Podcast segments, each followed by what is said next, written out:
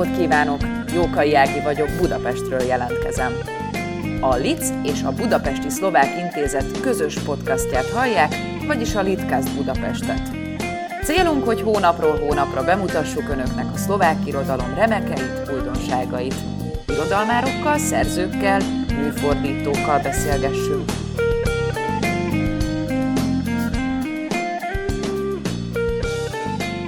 Ez itt a Litkász Budapest következő adása, benne pedig Deák Renátával fogok beszélgetni. Kedves Renáta, jó napot kívánok! Üdvözlöm a hallgatókat! A földrajzi távolság Budapest és Pozsony között nem túl nagy. Mennyire áll közel egymáshoz a szlovák és a magyar irodalom ön szerint? Hát én azt gondolom, hogy ez nem uh, kilométerben megszámolható. Uh, a szlovák és a magyar irodalomban van nagyon sok közös, és ez a közös hoz magában nagyon sok ellentétet is. Tehát azt gondolom, hogy a két irodalom annyira van közel egymáshoz, amennyire nagyon olvassák egymást a két ország irodalmárai és olvasói. Tehát az, az a fontos ebben a kérdésben, hogy az irodalom lefordítódik-e és olvasódik-e. Tehát, hogy a kiadóknak van-e hajlandóságuk, érdeklődésük a másik ország irodalma iránt, illetve, illetve nincs, vagy kevésbé van. Ö, hát az már, az jellemző a mind a két országra és mind a két ország kultúrájára, hogy inkább nyugat felé néz, és ott inspirálódik, ott keres inspirációkat, mm, és csak utána néz a szomszédba. Vagy ha szomszédba néz, akkor egy kicsit távolabbi szomszédba. Tehát valahogy a magyar, ö, magyar olvasók jobban, vagy jobban ismerik és jobban szeretik a cseh irodalmat. Ö, ez is nyilván egy összetett kérdés, hogy miért, erre nem lehet egy vagy két mondattal válaszolni. Ö, a szlovák irodalom a magyarra mindig felnézett. Tehát volt egy ilyen nagy testvér, nem tudom, komplexus, vagy, vagy minek nevezzem. Úgy tapasztaltam az évek során, hogy a mm, szlovák irodalom, a szlovák kultúr közösség nyitottabb a magyar felé, mint fordítva. Ez valószínűleg pont abból származik, amit előbb említettem, a magyar irodalom inspiratív volt mindig a szlovák számára. Mm, talán többet is fordították magyar irodalmat szlovákra, mint fordítva. A, még a szocializmus időszakában ott ugye volt ez a szocialista együttműködés az irodalmak között, és akkor voltak ilyen programszerű fordítások. Tehát ott rendszeresen fordították a magyar szlovákra, a szlovákot magyarra, és utána ez kicsit ugye 89 után megszűnt, és a kiadók is magánkiadók lettek, és nagyon függött az egész helyzet attól, hogy, hogy ki az igazgató, a, ki a kiadó vezetője, milyen érdeklődési köre van, melyik uh, irodalom felé nyit. És hát uh, Pozsonyban megszületett a Kaligram kiadó, ahol um, Szigeti László igazgató igenis képben volt a magyar irodalommal kapcsolatban, és nagyon sokat tett azért, hogy a kortárs művek, de nem csak a kortárs művek megjelenjenek szlovák nyelven is. Milyen lehet a szlovák életérzés? Vajon ez, amiről beszélgettünk, vagy amit elkezdett már kifejteni, milyen a szlovák életérzés? Tehát említettük ezt a cseheset. A csehesről arról mindig eszébe jut mindenkinek a Pepin bácsi, meg ez a, ez a nagyon vidám és, és közben önmagán nevető figura, szerintem a magyaroknál, legalábbis ahogy én így hallom. Viszont a szlovák, nekem erről van saját véleményem, de én az önére lennék kíváncsi, milyen a szlovák figura? Hogy tudná ezt jellemezni? Hogy tudná az olvasóknak mondjuk közelebb hozni, milyen lehet a szlovák figura, akit, akit lehet szeretni? Hát ez elég nehéz kérdés, mert ugye a Pepin bácsit az talán inkább ismerjük a filmből, Tehát ez nem csak irodalom, bár irodalmi mű alapján készül a film, tehát a Hrabal um, Postrizsini című könyve, könyvéből készül a Menzel film, és hát ez tényleg be van égve minden, talán minden magyar fejébe, vagy még a régebbi generációiban, nem tudom, hogy a mostani, hogy a fiatalok még mennyire ismerik ezt a filmkultúrát, és a, a szlovákban, hát ez most eléggé fogós kérdés, erre nem tudok. Nem Esetleg Závada tudhatja ezt? Hogy mi a szlovák figura? Hát ezt talán tőle kéne megkérdezni, hogy ő tudja ezt, de mm, hogyha a filmbe, filmbe, filmhez megyünk vissza, hm, várjon. Talán a, egyébként a, egy egészen más, de azt hiszem, hogy nagyon, nagyon erős hatással volt, vagy lehetett a, Martin Schulig filmjeinek a hatása, vagy azt talán ismerik a, a magyar olvasók és nézők. A Kert című filmében a főszereplő, vagy az egész a Kert című filmnek a hangulata, az egy nagyon szlovák hangulat, az ott találkozik a város is, és a, a falu, a elvonulás, a, egy elhagyatott kertbe, amiben van egy adag mágikusság is. Tehát ez a mágikusság és a spiritualisztikusság, ez valahogy a, a szláv lélekhez közel van, és ez szerintem közel van a szlovákokhoz is, és talán ez át eljutott ide Magyarországra, és nem tudom megítélni. 2016-ban kulcsfigurája volt a rangos Budapesti Nemzetközi Könyvfesztiválnak. Rövid idő alatt 40 szlovák mű jelent meg magyar nyelven. Érzi, hogy ez a jelenség mit jelent, illetve sikerül a szlovák irodalomnak is helyet kapni az egyébként magas nívójú magyar mellett? És hosszú távon nyomot tud hagyni a szlovák irodalom Magyarországon? A magyarországi irodalmi életben?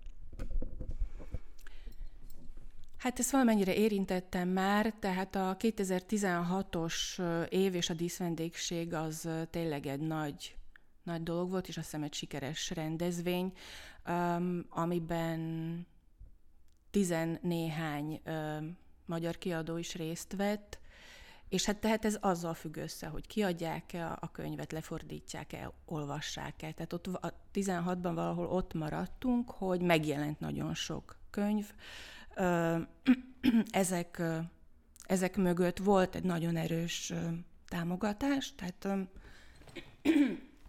tehát financiális támogatás, a Szlovák Kulturális Minisztérium és a Szlovák Irodalmi Centrum mm, által együttműködés, és a Szlovák Intézet együttműködése, és ezen felül egy, ezen felül egy egész jó menedzselés volt a Karádi éván keresztül, eljutott, eljutottunk egy ö, olyan, olyan kiadókhoz, akik érdeklődéssel nyitottak a szlovák irodalom felé. Viszont ez nem elég. Tehát, hogy megjelent 40 publikáció, antológiák, regények, verses, verses antológia is, folyóiratok tematikus számai, ami szlovák irodalommal foglalkoztak, a jelenkor, a letr, a, az és, az alföld, az irodalmi szemle, talán a kaligram is, de hát a kaligram mondjuk folyamatosan foglalkozik vele, az irodalmi szemle is, de ezen dolgozni kell folyamatosan. Tehát ez egy óriási injekció volt 2016-ban, um, viszont a munka, munkát az folytatni kell. Tehát a, az író-olvasó találkozók, a fesztiválokon lévő résztvét, részvétel, tehát az nagyon fontos, és további munka a kiadókkal, tehát ez együttműködés. Az is nagyon segít, hogy most Szlovákiában egy elég erős támogatási rendszer van, amely, amely támogatja a fordítókat, tehát a szlovák irodalom külföldi fordítóit is, tehát magyarra fordítást is. Az egyrészt a FPU, másrészt a Kult is támogatja ösztöndíjakkal, és nem is csekély ösztöndíjakkal a fordítókat. Ez nagy segítség a fordítóknak, ez eddig nem volt, tehát most már nem tudom, négy-öt éve működik. Viszont a kiadókat is támogatja mind a két alap, amelyet említettem, és nem csak azokat, akik Szlovákián belül jelentetik meg a szlovák irodalmat magyarul, mert ilyenek is vannak, tehát vannak Szlovákiában működő magyar kiadók, a, amelyek foglalkoznak a szlovák irodalom fordításával, de olyan kiadókat is, akik együttműködve szlovák kiadókkal pályáznak ezeknél az alapoknál, és magyarországi kiadók ezeket is támogatja. Tehát van, van egy tehát ezen belül is erős támogatás, és van még egy alap, a Szlolia, ami az irodalmi információs centrumnak a, az alapja, és ők is a fordítást, tehát a honoráriumot tudják fizetni.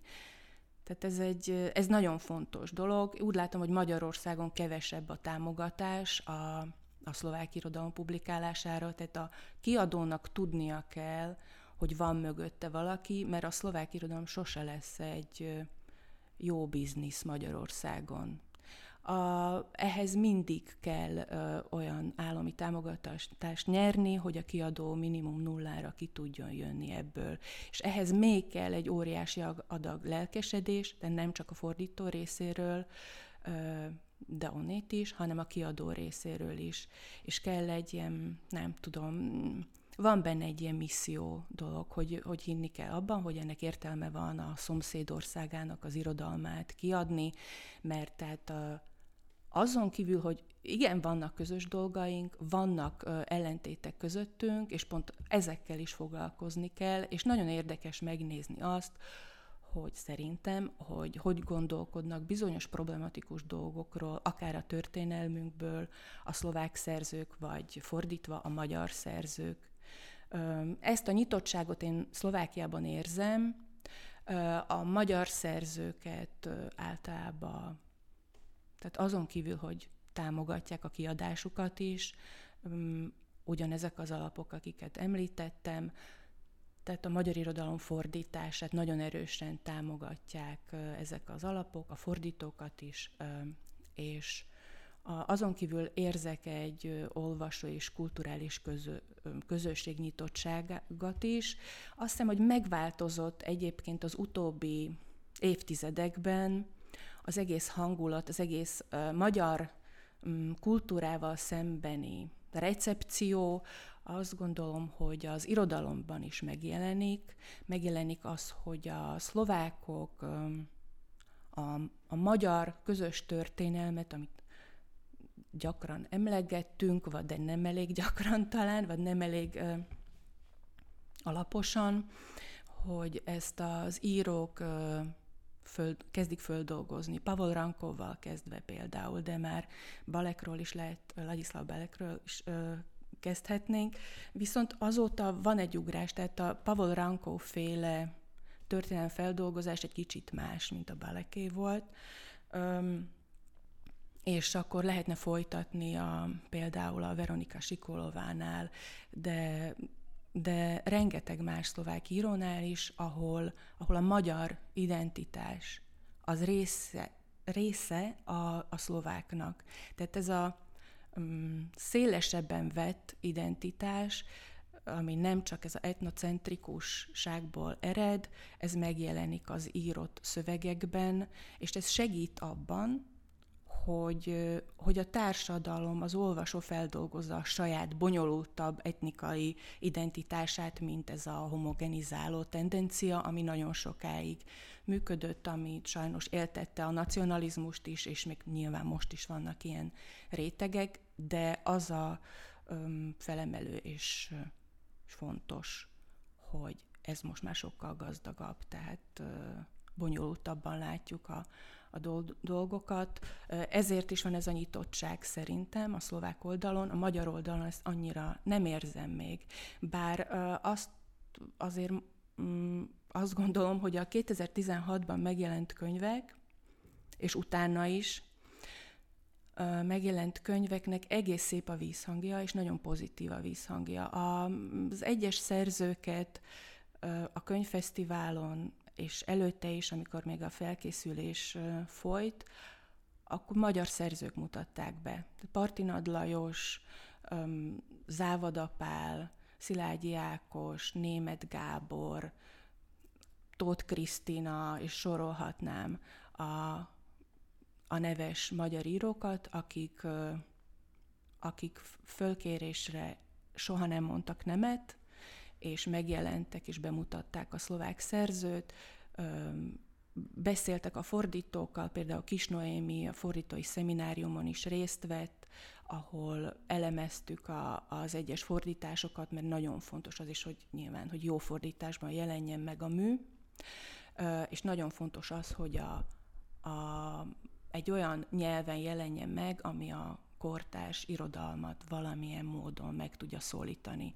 Ez például nagyszerű, nagyszerűen látható volt Mészáros Tünde fordításában, aki a Daniela Kapitányová számkotál Kniha Cintorin fordította a könyv a temetőről magyar nyelvre, és aztán Bíró Kriszta be is mutatta a darabot az Örkény Színházban, mint monodrámát, Pionyér szív cím alatt, és ezt a könyvet Parti Nagy Lajos mutatta be a könyvfesztiválon. Nyilván nem véletlen, hogy Bíró Kriszta kezébe került a könyv, és egy frenetikus fordítás, a, maga az eredeti mű is nagyon nyelvközpontú, tele van nyelvjátékokkal, rontott nyelvvel, bonyolult a nyelvi narrációja, és ez viszont a Mészáros Tündének sikerült átvinni magyar nyelvre, és ez, ez az igazi beágyazódás. Tehát az, hogy egy mű elkezd működni a másik kontextusban, egy, egy regényből születik egy monodráma, ennél nem lehet többet kérni, ez, ez a, azt hiszem az egyik legnagyobb sikere a könyvfesztiválnak, és talán annak a stratégiának, hogy a, hogy a magyar szerzőt az be kell vonni a, a, a recepcióba, abba, hogy tehát, mint hogyha oda tálalnánk a, a, a magyar irodalomnak, a, a magyar szerzőkön keresztül a szlovák irodalmat, és ezt még a Kaligram kezdte szerintem a 90-es években és később, hogy a magyar szerzőket és a szlovák szerzőket összehozta irodalmi esteken, és egymás műveit olvasták. Így tudjuk megszólítani a szélesebb közönséget is valószínűleg. Tehát, hogyha a magyar író olvassa a szlovák kollégáját, akkor az valamilyen módon átjut a közönség felé, és a olvasók felé is. Nyilván, hogyha megjelennek recenziók, méltatások, ez, ez nagyon segít, és ez így is történt. De említhetném Decki Saroltát is, aki mm, irodalom tudós, és foglalkozik ma, szlovák irodalommal is. Tehát de amellett, hogy a saját munkáját, tehát nem specialista, nem szlovakista, ennek ellenére olvasója a szlovák irodalomnak, és ír róla. Tehát azt gondolom, hogy ilyen módon lehet valahogy bejutni a, a tudatba. Nagyon szépen köszönöm, hogy ilyen szenvedéllyel beszél tulajdonképpen ennek a szakmai részéről, de hát azért ne feledkezzünk meg arról, hogy ön viszont egy nagyon sikeres és, és abszolút keresett fordítónak mondható, és önnek köszönhetően találkozhatnak a szlovák olvasók a kortárs magyar irodalommal, úgy, mint például a már általam megemlített Závada Pállal vagy Eszterházival, mi a különbség ön számára például akkor, hogyha a drámát vesszük alapul, vagy pedig egy, egy prózairodalom, mármint hogy olyan értelemben, hogy regény vagy novella formájában, tehát amikor drámát fordít az ember, akkor mire kell odafigyelnie, illetve mik azok az alap dolgok. Gondolom, itt például önnek szorosabban is együtt kell működnie, nem csak a szerzővel, hanem adott esetben az azt bemutató színházzal is. Jól gondolom? Hát a dráma nagyon izgalmas műfaj. Én nagyon szeretem azért, mert mert általában élőnyelvvel dolgozik. A kortárs magyar drámaírók szövegét fordítottam. Egresi Zoltán, Hály János, Spiró György, Kerékgyártó István, de Závada Pálit is. És nekem ez nagyon izgalmas, hogy, a, hogy szinte mindezek közül, a szerzők közül ö, belenyúl a, a, a beszédnyelvbe. És hát ez, ez egy nagyon nehéz feladat, hogy hogy ezt átültetni egy olyan nyelvbe, ami, ami tényleg működik, és meg, meg tud szólalni a színpadon. Mm, és ez kísérlet a részemről. Én adok egy alapanyagot a színháznak, és én nagyon örülök, hogyha a színház belenyúl, és dolgozik vele, mert én ezen tudok tanulni. Tehát nekem a, tehát a nyelv az egy mozgó dolog, vagy élő dolog, és, és hogyha a színész valahogy megváltoztatja, vagy a rendező, vagy kihúz bizonyos dolgokat, dramaturgiailag megváltoztatnak valamit a szövegen, az, az nekem nagyon izgalmas, mert az, hogy hogy működik a szöveg a színpadon, az inspiráló. Tehát a fordítás is valahol ugye interpretálás, a, az is egy olvasat, az is valahogy a szövegnek a megrendezése egy másik nyelvi közegben, és a, a rendező és a színész azt még egy, egy szitán, vagy még egy tükrön átviszi, és még egy kicsit másképp, vagy még ad egy más interpretálást a, a szövegnek, és ez nagyon, nagyon érdekes, mert ugye a, ha megjelenik a novellás kötet, vagy a novella, a regény, akkor az egy lezárt ügy.